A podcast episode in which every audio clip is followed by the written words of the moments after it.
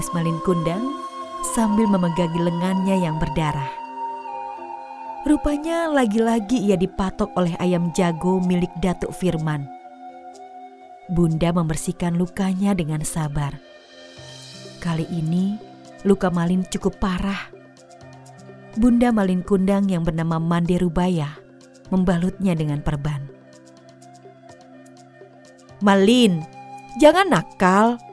Jangan kau kejar-kejar lagi ayam jago itu. Ingat, kau sudah tidak punya ayah.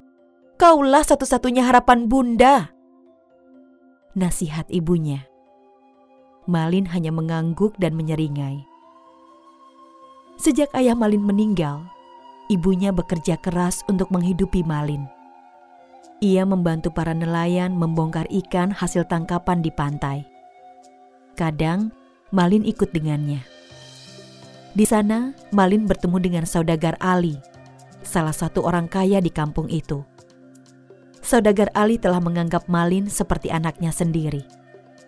Beliau mengajari Malin cara berdagang dan mengemudikan kapal. Bagi saudagar Ali, Malin cerdas dan dewasa, tidak seperti anak kecil pada umumnya. Ketika Malin beranjak dewasa, saudagar Ali mengajaknya untuk ikut berlayar ke negeri seberang. Di sana, ia akan mengenalkan Malin pada saudaranya yang juga memiliki usaha perdagangan. Malin pun berpamitan pada ibunya, Mande Rubayah. Bunda, saudagar Ali mengajakku untuk ikut dengannya. Izinkan aku pergi, Bunda, karena aku ingin bekerja di negeri seberang jika aku sukses, aku akan kembali dan memboyong Bunda. Ibunya menunduk. Tak terasa air matanya menetes. Bunda tak bisa melarangmu, Malin. Bunda tahu keinginanmu begitu besar. Jawabnya. Hari yang ditunggu-tunggu pun tiba. Malin berlayar ke negeri seberang Rasanya seperti mimpi yang jadi kenyataan. Saat Malin sedang melamun, tiba-tiba kapal berhenti. Seperti ada sesuatu yang menabraknya. Mendengar suara gaduh di bawah, Malin melongokkan kepalanya. Ia melihat segerombolan orang dengan pedang terhunus menaiki kapal itu. Malin merasa tak enak. Pasti mereka para perompak. Aku harus segera bersembunyi, katanya dalam hati. Beruntung, ia menemukan sebuah keranjang ikan dari bambu yang cukup besar untuk bersembunyi. Para perompak itu mengambil semua uang dan emas milik saudagar Ali. Mereka juga membunuh saudagar Ali dan anak buahnya. Malin selamat karena para perompak itu tidak tertarik pada keranjang bambu tempat persembunyian Malin. Mereka hanya mengobrak-abrik peti-peti yang berisi uang dan emas. Sepeninggal para perompak itu, Malin keluar dari tempat persembunyiannya. Ia mengemudikan kapal itu ke daratan terdekat. Malin lalu menceritakan apa yang terjadi pada penduduk setempat. Warga bergotong royong untuk menguburkan jenazah saudagar Ali dan anak buahnya. Karena tak tahu harus pergi ke mana, Malin memutuskan untuk tinggal di sana. Ia menggunakan kapal saudagar Ali untuk mengangkut barang-barang penduduk yang akan dikirim ke tempat lain. Malin menerima bayaran dari jasa pengiriman itu. Lama-kelamaan, jasa pengirimannya itu berkembang pesat. Malin bahkan bisa membeli kapal-kapal yang lain. Malin sekarang telah menjadi pemuda yang kaya raya. Ia menikahi seorang gadis yang cantik, anak tetua kampung itu. Sadar bahwa istrinya berasal dari keluarga yang terpandang, Malin pun merahasiakan asal-usulnya. Tiap kali istrinya bertanya tentang orang tuanya, Malin selalu menjawab kalau mereka sudah meninggal.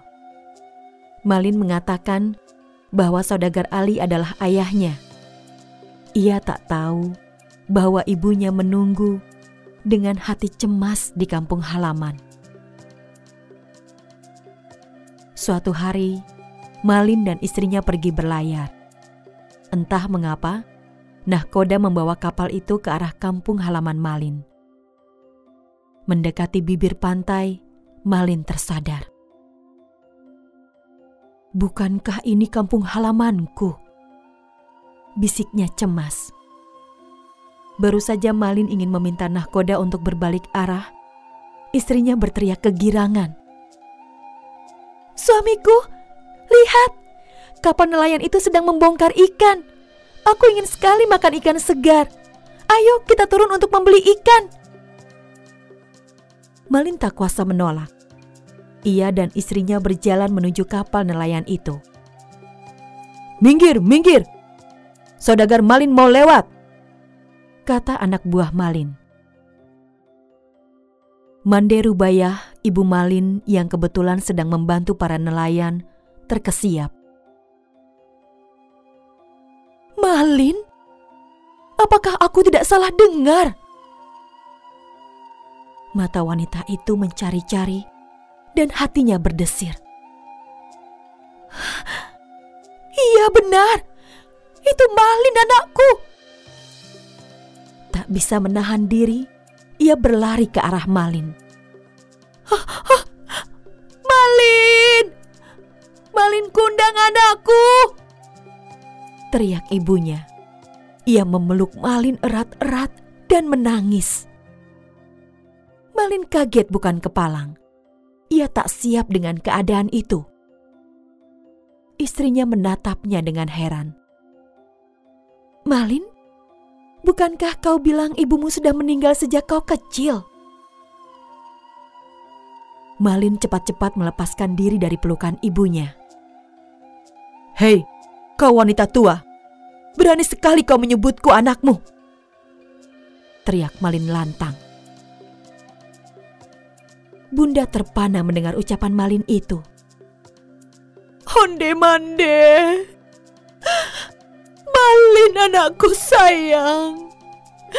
Sudah lupakah kau pada bundamu sendiri? Ratap wanita itu.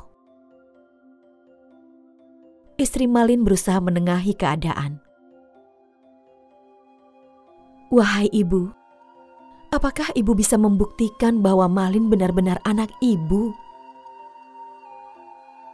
Semua orang di kampung ini tahu bahwa Malin adalah anakku. Namun jika kau tak percaya, cobalah periksa lengan kanannya. Ada bekas luka karena patokan ayam Datuk Firman. Bunda percaya kau masih ingat hal itu, Malin kata Bunda sambil menatap Malin tajam. Istri Malin kemudian memeriksa lengan kanan suaminya. Dan benar, ada bekas luka di sana. Istrinya memandang Malin dengan sedih. Malin, kenapa kau mengingkari ibumu sendiri? Hah, istriku, kau harus percaya padaku Ibuku sudah meninggal ketika melahirkanku. Tentu ibu ini tahu tentang luka di lenganku. Karena semua orang di sini tahu cerita itu. Kata Malin membela diri. Setelah berkata demikian, Malin mengajak istrinya pergi dari tempat itu. Mereka menaiki kapal. Sementara, Bunda menangis terseduh-seduh sambil bersimpuh di bawah kapal.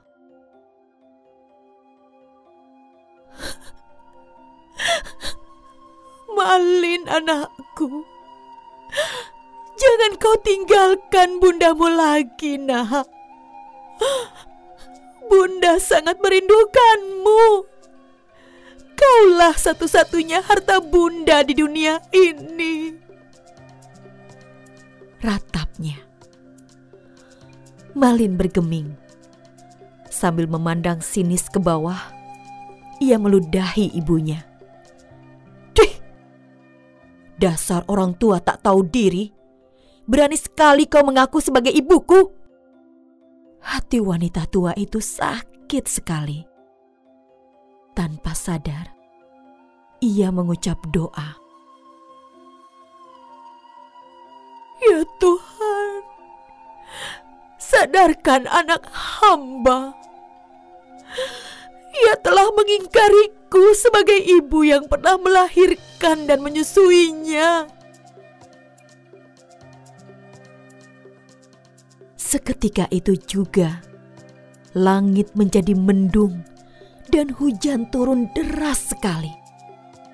Petir menggelegar dan angin bertiup sangat kencang. Tiba-tiba, petir menyambar tepat di depan kaki Malin. Ajaib! Di tengah gemuruh hujan, tubuh Malin langsung kaku Mula-mula kakinya tak bisa digerakkan. Istrinya berteriak. Malin, apa yang terjadi pada kakimu? Kakimu seperti batu. Rupanya tak hanya kakinya yang menjadi batu. Perlahan-lahan, seluruh tubuhnya juga jadi batu. Malin sangat ketakutan. Ia sadar ini adalah hukuman Tuhan atas perbuatannya. Bunda, ampuni aku. Tolong selamatkan aku, Bunda. Teriaknya. Namun semuanya sudah terlambat. Seluruh tubuh Malin akhirnya jadi batu. Mulutnya menganga karena ia berteriak mohon ampun. Ibunya menangis, istri Malin pun menangis. Mereka berdua memeluk Malin yang sudah jadi patung. Pesan dari cerita rakyat Malin Kundang dari Sumatera Barat ini adalah hormati dan sayangi kedua orang tuamu, terutama ibumu. Berkat doa merekalah kita bisa meraih kesuksesan.